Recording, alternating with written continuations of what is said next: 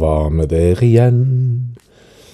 Jeg skal ikke synge en eh, velkomst. Det får holde med den eh, flotte, flotte introen. Med masse, masse godlyder. Jeg ble eh, tidlig i poddens historie spurt av en kompis i Sædnes hva er greia med den introen.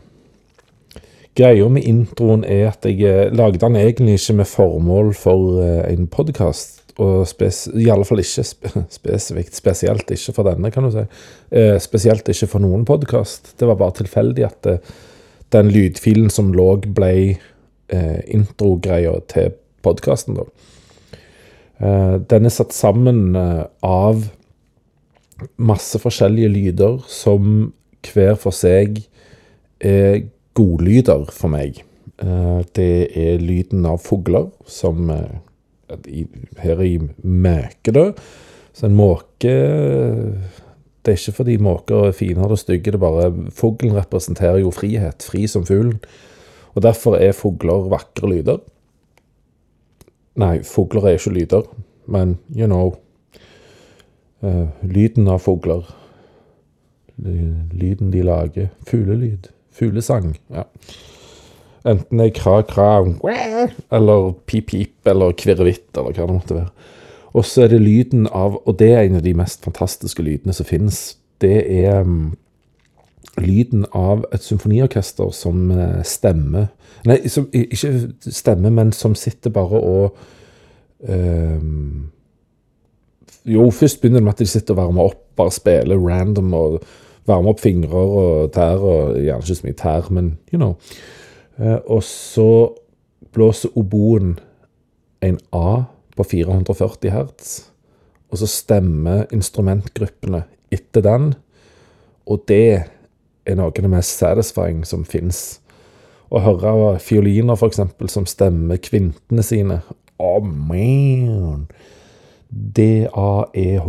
Den lyden der. Ah, det går, går sånn deilig, kriblende god følelse nedover ryggen, og i god forstand så reiser hårene seg. Det, nei, det er så digg. Og så er det lyden av eh, av hav. Ja, forresten, det orkesteret som jeg har tatt opp, er jo da Kristiansand Symfoniorkester. Jeg tror det var i april 2018. Da hørte jeg noe Beethoven med Kristiansand Symfoniorkester. Og så er det lyd av hav, og det er da Orrestrand med bølger som slår inn. Og så er det Jeg tror det er noe vind òg. Uh, og så muligens har jeg lagt på noen lyder fra en, uh, en plass jeg pleier å besøke i Berlin. Nå, bare sånn ambience av folk som snakker. Jeg tror det. Men det, det er bare godlyder. Positive, fine, gode lyder. Det er en fin måte å starte og slutte podden på, og pakke den inn i det. Uh, Istedenfor bare som den andre podden jeg har vært med å lage, Høie Johansens Alcopella. Vi begynte jo som Høie Johansen duo, ga ut og gir for så vidt ennå ut musikk når vi føler for. Så fant vi ut at vi òg skulle ha podkast. Der var det bare opptak rett på, midt inne i samtale. In medias res. Så sitter vi og snakker, så bare trykker record midt inni en setning. Så var vi i gang. Så det var en eh, litt annen type podkast, men definitivt mye perspektiv i, i den òg. Bare eh, litt, eh, litt annerledes, kan man si. Eh, det tenderer vel mot å være litt absurd humor. Tenderer mot å være det er vel egentlig absurd humor. Ikke for alle, for all del. Eh, men ja. Og så jeg Vet ikke om det er blitt nevnt før, men jeg har jo uh, På søndager i noen måneder så har uh, ei kollega og jeg Vi har eh, Vi hadde nå siste søndagen nå fordi hun skal slutte å flytte. Men vi har hatt sånn fast at eh, med mindre annet blir sagt, så møtes vi. Og så sitter vi noen timer å snakke. Det kan være alt fra tre til syv timer. Eh, det er ganske Nei, ikke syv. Vi har vel vært oppe i fem, seks, Nesten seks timer på det lengste. Um, Snakk om mangt og meget uh, relatert til utvikling, både personlig og, profesjonelt. Eller privat og profesjonelt. Uh, så kommer jeg til å nevne en, en ting som um, Fint perspektiv å ha på noe, fordi ikke bare nyanser enkelte ting, men se den store forskjellen på dem. Hvis du um, jobber på et sted som har en kaffemaskin, og så uh, må dere sørge for å holde den ved like litt sjøl. Det er kun når det er seriøse tekniske problemer at en får service. Og så er det egentlig bare én på arbeidsplassen som kan skikkelig med den, som vet hvordan han gjør de der hverdagslige tingene for å holde kaffemaskinen, som òg gir kakao og masse forskjellig. Å holde den ved like nok til at den funker. Da er det jo veldig dumt hvis den personen er vekke en dag, og da er det noe med kaffemaskinen, for da er det ingen som kan det, så det er veldig dumt. Men når du står der og trenger kaffe, og det er noe som ikke stemmer med maskinen, og det kan fikses lokalt, men du ikke kan det, så kontakter jo du selvfølgelig den personen som hjelper deg med dette. På arbeidsplassen. For en kollega. Så kommer den personen, og så sier han gjerne og hjelper deg med det. Men da sier jeg nei, ikke nødvendigvis. For hvis du går derfra noen minutter seinere med en kopp varm kaffe Nå sa jeg ikke god, for det er ikke sikkert han er det. Langt fra sikkert. Men den er iallfall varm. Og det var nye kaffebønner, og ting er rensa, alt det der. Du går derfra med en kopp varm kaffe. Så har den personen løst dette for deg. Men den personen har ikke hjulpet deg. For ei uke seinere så skjer det samme, og du må igjen spørre denne personen. Da har ikke den hjulpet deg, for hjelpen skal sørge for at du kan det neste gang, sånn at du kan hjelpe deg sjøl, eller du kan løse dette sjøl. Hjelpen skal sette deg i stand til å løse situasjonen sjøl. Og det er òg noe å tenke overfor oss som er pedagoger i skole. Når vi hjelper med en oppgave, løser vi den, eller hjelper vi på en sånn måte at elevene er i stand til å løse sjøl? For ellers har vi ikke hjulpet, da har vi bare løst. Og da har en ikke bare nyansert forskjell mellom hjelpe og løse. En ser at det er ganske stor forskjell mellom det å hjelpe noen og løse et problem for noen. Så den var litt interessant eh, å trekke opp, da. Eh, og så har jeg tenkt litt eh, Her har måttet faktisk bare For ikke glemme tankerekka jeg hadde, så jeg måtte notere litt. Så derfor hører du lyd av papir in the background, ja. Og det er òg en um, La oss ja, i, i, i, verste fall kalle det for nyansering. Um, jeg, jeg, jeg, tror ikke jeg vil lansere ordet, ordene som jeg setter versus hverandre nå. Jeg vil begynne med referanse til uh, både Erlend og Steinar, podden på NRK.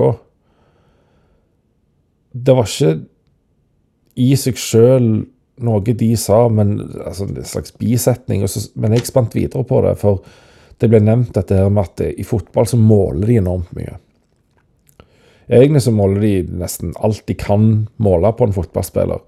Uh, hvor langt de springer, og O2-opptak og bla, bla, bla, bla. Masse greier. De får sykt mye stats.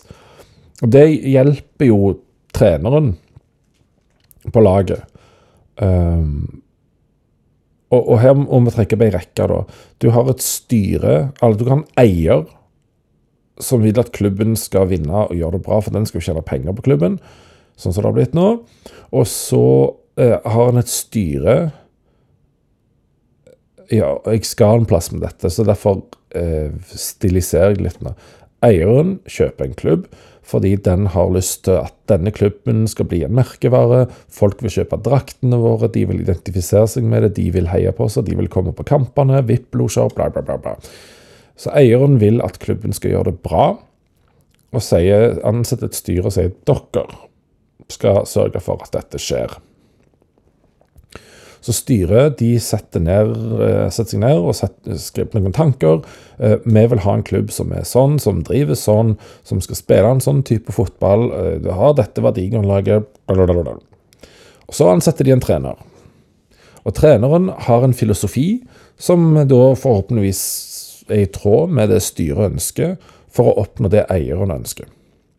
Så treneren har en filosofi og eh, en slags pedagogikk da, for å oppnå og, en spillestil for å oppnå dette. Og hente spillere deretter for å komponere et lag. Eller du kommer som ny trener inn i en stall og må bare håndtere det som er der på best mulig måte. Og det kan være styret sier vi har ikke så mye penger til overganger, så du må håndtere det du har. Eh, og én eh, sesong til. Nå, har du en halv sesong igjen. Du må òg klare det neste sesong, for vi har sprengt budsjettet her. Og så gikk det ikke sånn som vi trodde, så nå skal du redde skuta her. Så OK.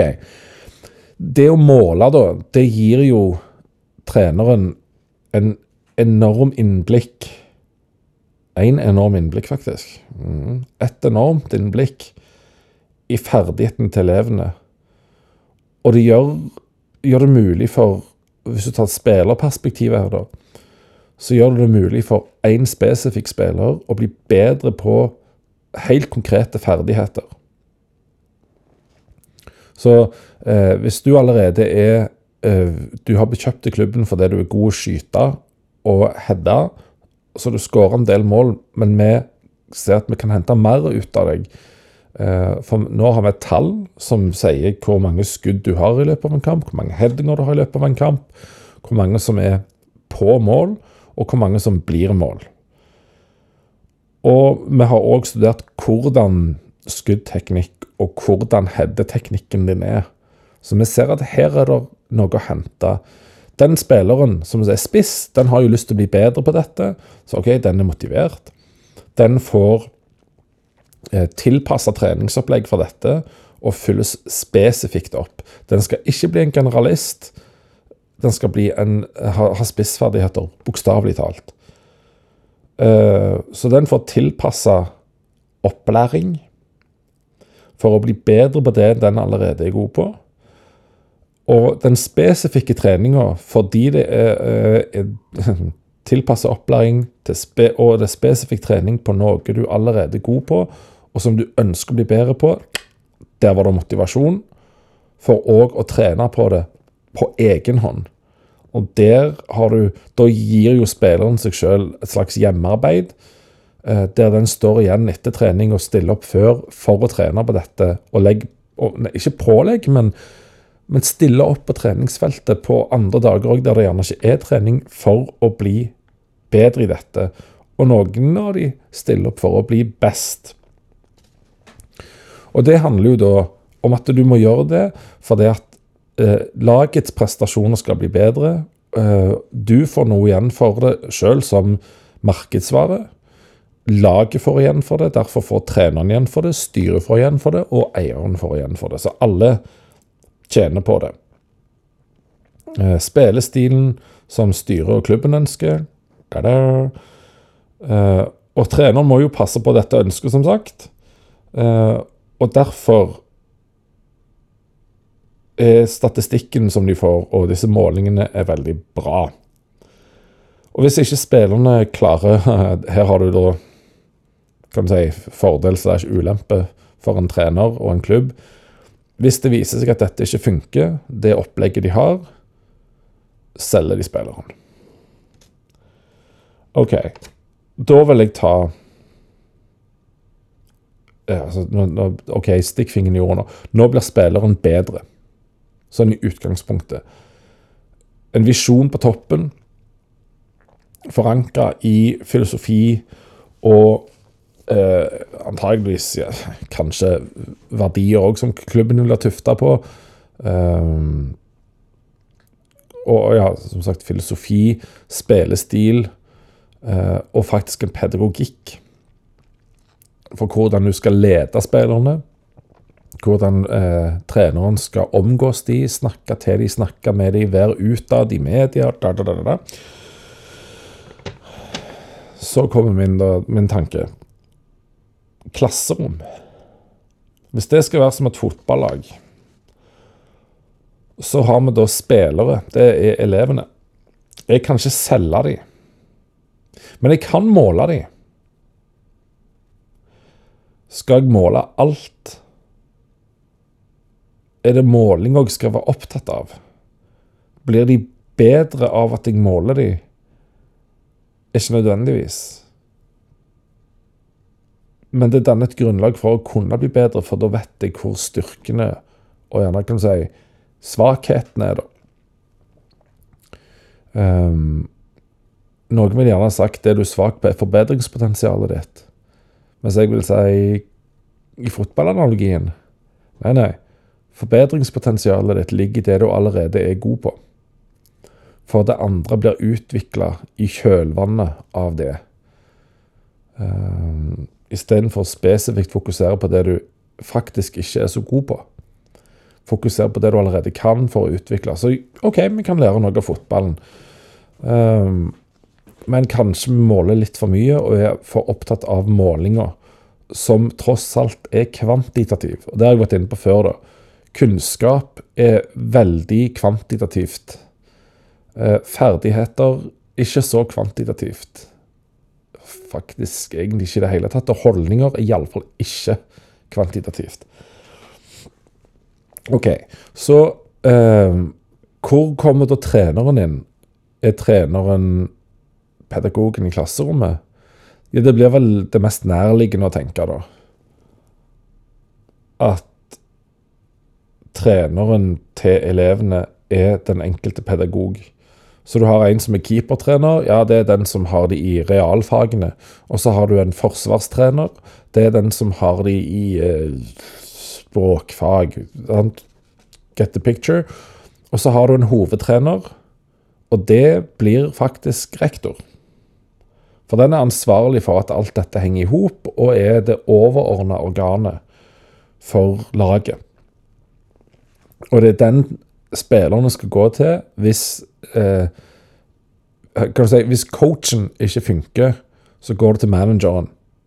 Altså leddet over, og state en klage til den. OK, så har du styret. Det er jo Skal jeg være helt pinekorrekt, så er jo styret SU, samarbeidsutvalget. Men la oss bruke en annen, eh, og gjerne ikke fullt så presis sammenligning, at styret blir på kommunalt nivå, skolestyret i kommunen, og eieren blir staten ved Stortinget. OK, Stortinget har en Som eier av alle Norges skoler har en visjon. Og Den heter opplæringsloven. Og Den har de steita ned til noe som heter overordna del i læreplanen. Som sier hva skolen skal gjøre. Og hva egentlig stillingsinstruksen til trenerne er, til coachene. Den forholder jo selvfølgelig kommunen seg til òg. Så styret må forholde seg til det verdigrunnlaget og den filosofien som foreligger. Og så må styret sørge for at de ansetter en hovedtrener på hver, på hver klubb, skole. Uh, ja, jeg, jeg, hører at sammenligningen den er veldig fersk. Dette er fra i morges. Så det er ikke så Det er tolv timer ca. gammelt. 12-14 timer, noe sånt. Så styret sier til eh, hver hovedtrener de har i dette her eh, klubbkonsernet sitt. Så sier de dere skal sørge for å ansette Eller å hyre inn spillere. Nei, trenere. Trenere som trener etter denne filosofien, kalt opplæringsloven og overordna del i læreplanen. Og Da må vi ned på spillernivå. For det poenget med dette er først og fremst å skape lykkeligere spillere. Og ved å gjøre de lykkeligere, som en konsekvens av det, som er i kjølvannet av det, så kommer de òg til å bli bedre spillere. I stedet for Altså, hvis du fokuserer på det kvalitative, så kommer det kvantitative i stor grad til å ordne seg sjøl, for det følger en, i, i, stor grad en aldersutvikling uansett. Noen er gjerne ikke helt aldersadekvate, som tar lengre tid. Noen springer av gårde og tar det kjemperaskt, men de aller fleste følger en relativt sånn aldersadekvat utvikling. Så eh, spillerne skal bli lykkeligere, først og fremst. Det er et holdningsarbeid, og det er et ferdighetsarbeid. Kunnskapene kommer òg i et samspill med familien til spillerne. Altså privaten. Spil, på et fotballag, spillerne som har det dårlig på privaten, klarer gjerne ikke å maxe eh, spillerdelen sin. Sånn er det vel for alle mennesker at eh, profesjonen, det profesjonelle deg, er profesjonsutøvelsen, den er gitt av det private, personlige, og ikke motsatt. Det er iallfall min djerve påstand. Um, så, så det er en del spørsmål jeg noterte i den forbindelse. Det er liksom, Hvem er trenerne, hvem er styret, hvem er laget? Hva er spillestilen slash hva skal spillestilen være? Hva skal verdigrunnlaget være? Skal han tilpasse trenere og spillere til stilen, eller skal han ta de som er best, altså resultatbasert? Du har sånne karakterer, derfor blir du en god leder med å ansette deg. Og hvem setter eller bestemmer i så fall verdigrunnlaget? Og så kom jo egentlig det som var poenget mitt, da. Blir vi lykkeligere av å bli bedre på bakgrunn av alle målinger? Blir vi bedre eller lykkeligere av målinger? Blir fotballspilleren eller eleven bedre eller lykkeligere av treninga? Så derfor er jo igjen en sånn nyanse det er som ikke er nyanseforskjell, mener jeg. Det er en stor forskjell på å bli lykkeligere eller bli bedre. Hva vil du? Hvis jeg må velge, så velger jeg å bli lykkeligere. Fordi når jeg er lykkelig, eller kan jeg si når jeg har det fint, da, så blir jeg bedre. For da, da gjør jeg ting som jeg liker å gjøre. Og da blir jeg bedre først og fremst på det jeg allerede er god på. Jeg utvikler meg, videreutvikler meg. Eh, ikke opprettholder det samme, for det gjør du uansett. Men du går videre òg. Eh, skriving, f.eks. Ikke bare lyrikk, men kanskje du prøver deg på noveller. Kanskje du prøver deg på kortprosa. Det går opp til en dag en roman. Du har jo ikke slutta med baseline og liksom skriving i seg sjøl. Du har videreutvikla det. Men jeg har ikke grepet fatt i noe jeg ikke er god på som f.eks. maling. Kunstmaling. Det har jeg ikke gjort. Portrettmaling eller landskapsmalerier. For det, det er ikke noe jeg allerede mestrer. Så jeg har ikke brukt tida mi på såkalt svake sider. Nei, jeg har videreutvikla det jeg allerede kan. Men jeg kan kanskje være en bedre maler i dag enn det jeg var for 20 år siden. Fordi forståelse av hvordan du kan male med lyd og male med ord, er mulig å smitte over på maler med farger. Og eh, bare det å søke å forstå hvordan en blander farger, som jeg egentlig aldri har gjort, men jeg har en bedre forståelse for det nå, og hva farger betyr for uttrykk i et bilde, og, og eh, komplementærfarger og nabofarger og alt sånt. Så det, Iallfall sånn, dette er sånn skoleuttrykk, tror jeg. Nabofarger. Jeg vet da faen. Det er noe som heter det, tror jeg. Fargetrikanten, alt det der. Siden jeg har plukket den opp si, de siste ti årene, så har det gitt meg en annen forståelse av farger. Så jeg hadde nok tegna malt bedre bilder i dag enn for 20 år siden. Bare fordi jeg har blitt eldre. Fordi jeg har over tid plukka opp ting. Men jeg har ikke aktivt gått inn for å bli bedre på det. Det har jeg egentlig gjort med andre ting jeg allerede er god på. Så det, det er ting som er mulig å overføre her, fra fotballen til skolen og til det personlige og til alle andre felt òg. Så igjen, jeg vil heller bli lykkeligere enn å bli bedre. Fordi når jeg er lykkelig, når jeg har det fint, så blir jeg bedre på det eller Snakking må jeg jobbe med. Da blir jeg bedre på det jeg allerede er god på, eh, og som betyr noe for meg. Og i kjølvannet så er bonusen at det du ikke er så god på, blir du òg litt bedre på. Uh, og så var det òg interessant å se at uh, en som skulle ha vært gjest, det var når jeg fucka opp på Discord. Ketil. Han skal ha et foredrag om Å, faen. Jeg skal se her. Jeg må rett og slett Et øyeblikk. Ja. Altså Han skal ha et føredrøg om lykke. Der Uber-skriften, eller tematikken, er lykke som karrierekompass. Og det ref eller i kjølvannet, eller i lys av, eller alt det der um, Det jeg har snakket om nå, med, med fotball og lykkelig og, og, bedre Da må en jo stille seg spørsmålet, da. Hva er lykke? Hva gjør meg lykkelig? Det er hele visjonen din. Liksom Meninga i livet. Hva er det som gir deg mening i livet? Når er livet meningsfullt? Og Da er det lett å peke på aktiviteter. Jo, det er når jeg gjør sånn og sånn.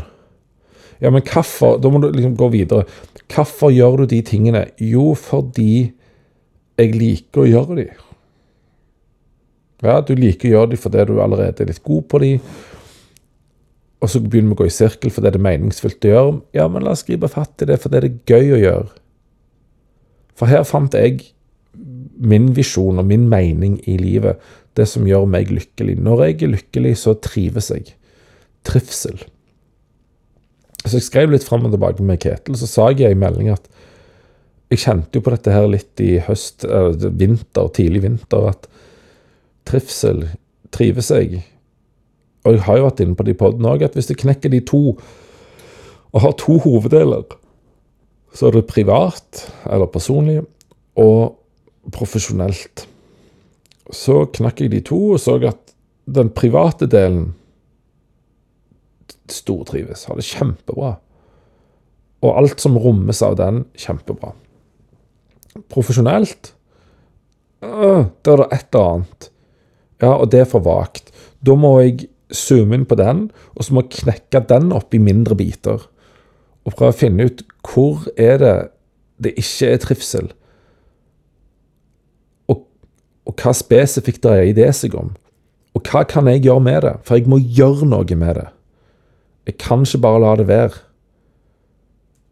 Alt det andre kjenner jeg at jeg får til, det går fint, men dette, eller de feltene, der eh, er det ikke balanse. Der er det ikke trivsel. Hvis jeg skulle fortsatt med det, da, i, eller fortsette med den profesjonen jeg har, hva enn den måtte være Hva må jeg gjøre for å rette opp i det som tar vekk trivsel nå? Det som er, gir noe negativt der, og som suger ut eh, nesten livsglede. Hva er det, og hva kan jeg gjøre med det? Er det utenfor min kontroll? Og hvis svaret er ja, ja vel, da må jeg finne ut hvem kan da hjelpe meg med det? Hvem kan gjøre noe her? Hjelper det meg å ringe til en venn og klage over at jeg har drit, og at eh, ting er ikke bra, jeg skulle ønske sånn og sånn? Nei, det hjelper ingenting. For den vennen eller familiemedlem eller hva det måtte være, er ikke i noen posisjon til å kunne gjøre noe med det problemet jeg står i. Som det førstehåndsproblemet er på arbeidsstedet er det ikke bra. Og egentlig vil jeg fortsette der. Hvis det ikke lar seg gjøre, da kan jeg heller snakke med noen som kanskje kan faktisk hjelpe til å få meg til å innse ting som gjør at jeg gjerne blir og får det til. Men da kan jeg gjerne høre med andre som kan si du bør jo prøve sånn og sånn, for folk ser jo noen evner og kvaliteter du har som du ikke ser sjøl. Bare google Johari-vindu, som jeg har nevnt før. Så det er sider ved deg som du ikke ser, som andre kan se og si Ei, det burde jo du prøvd. Det, dette her er jo du rå på. For da kan du bruke det du allerede er god på, og bli bedre på det. Og så i kjølvannet blir det alt det der. Men det handler igjen om at bare prøv å finne ut hvor hvor det som ikke gjør deg lykkelig, ligger, da. Og ikke bare si ja, det er liksom livet mitt. Ja vel, da er jo løsningen bare å avslutte livet, da. Nei, men jeg vil ikke det heller. Nei, da må du spesifisere. Da må du analysere litt her. Og analysen begynner med er det på privaten eller profesjonen. Nei, det er på privaten. OK, da venter vi med profesjonen. Nå må vi ta privaten først. Del privatlivet ditt opp. Er det noe hjemme? Er det noe sammen med andre? Er det noe alene? Er det noe eh, Går tur? Er det når jeg dø? Nei, det, det, er når jeg eh, sitter alene. OK. Eh, den, da må vi inn i det. Sant? OK, jeg, jeg vet jo at de som jeg mistenker at hører på podkasten, er jo ikke dumme folk, så nå har dere tatt poenget, så jeg trenger ikke spinne så mye mer på det. Så i dag har egentlig versus vært det store ordet. Med lykkeligere versus bedre. Og i kjølvannet av det, mye kjølvann i dag. Uh, hva gjør deg lykkelig? Hva er lykke? Uh, og selvfølgelig løse versus hjelpe. Å hjelpe meg uh. Nå er det straks vinterferie her eh, for oss eh, nordboere og en del andre områder i landet. Jeg starter min vinterferie med å dra til The Mow and the Rain. Der eh, jeg skal altså til Mo og være der fra fredag til søndag, og det skal bli digg. Der skal jeg da bo på et herlig hotell som Der du får middag ikke bare frokost, men middag òg. Middagsbuffé inkludert i prisen på Helmat. Det blir digg! Så skal jeg gå litt tur, fange noen turposter, eller logge noen turposter på Sjekkeut-appen. Ut.no, si greia. DNT. Og så skal jeg jobbe litt med de tre bøkene for å sørge for at eh, det er iallfall ikke skriveleifer, og at der det skal være kursiv og fet og fet kursiv, at alt det er riktig og sørge for at forordene er på G. For da er egentlig eh, selve bøkene klar, og så må jeg bare flikke litt på um, omslaget og det som skal stå på baksida. Men omslagene òg er klar. Så jeg tenker at i høst, sånn oktober-ish, så blir det slipp av tre nye bøker. Og denne gangen legger jeg ikke skjul på at bøkene kanskje bør leses i, som en i gåsehudene trilogi, og at de gis ut som eh, tre bøker som har litt med hverandre å gjøre. For det er ikke tilfeldig at det er akkurat de bøkene i akkurat den rekkefølgen. Um, ja. Og så har jeg bestemt at jeg kommer til å gi ut ti bøker, altså den ene forlagsutgitte pluss ni egenutgitte. Og den siste, eh, den heter bare X. Og den eh, Eller ja, med undertittel 'Epiloger', tror jeg det skal være. Eh, og det er rett og slett bare å eh, bridge hele greia fra den første teksten jeg skrev, og kronologisk fram til den første teksten i den første boka fremdeles. Altså datoen på den, helt bak til den første teksten jeg skrev. Så kommer de i kronologisk rekkefølge, de tekstene, da, og da er alt avslutta. Og da ser en gjerne òg hvor en del mørke ting kommer fra, men ser en alt under ett, så har jeg jo da gitt ut fra til slutt, da, med alle ti bøkene, fra første tekst til eh, nå, liksom. Eh, fordi bok åtte og ni kommer til å være skrevet fra bånn. Så de er nå, 2024 og 2025, kommer de til å være. Og da er det helt kronologisk fra 2000 og I alle fall 2001, om ikke tidligere òg, og til og med fra, fra 1900-tallet. Fra forrige årtusen. Så kommer det til å være eh, i en litt omstokket rekkefølge sammenhengende. Og Da er alt bridga. Da er jeg ferdig med å gi ut bøker, tenker jeg. Det blir jo gøy. Så blir det ikke noe bokmas igjen etterpå. Trykker, kommer til å trykke alt opp i 50 eh, eksemplarer. Og eh, jeg kommer til å i første rekke selge de som en tripakk. Og jeg tror jeg går for 200 kroner denne gangen, pluss frakt.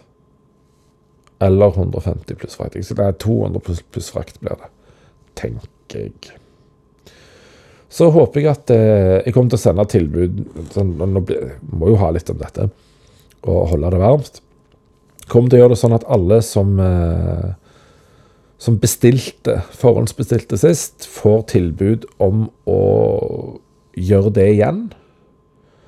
Men da blir det nok ikke gjennom Kanskje det blir gjennom Spleis, men kanskje det blir en annen måte.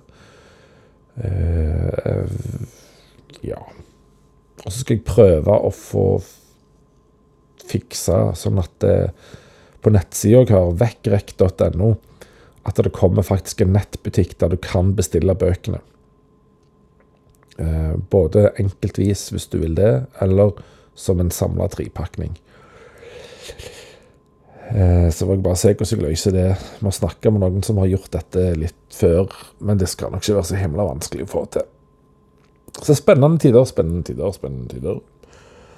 Uh, og sånne andre ting som har skjedd i det siste, bare for å sånn holde, holde, folk litt i loopen. Jeg og en ny kollega, pluss ei som har vært der litt lenger enn hos begge, har starta Loventur-gruppe. Veldig gøy.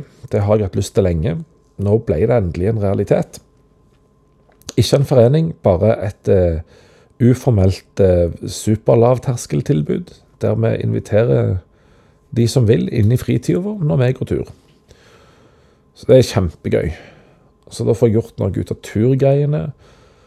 Og så eh, er det jo prioritet nå med bøker, og så kommer vi nok tilbake til musikk etter hvert. Har noen planer der.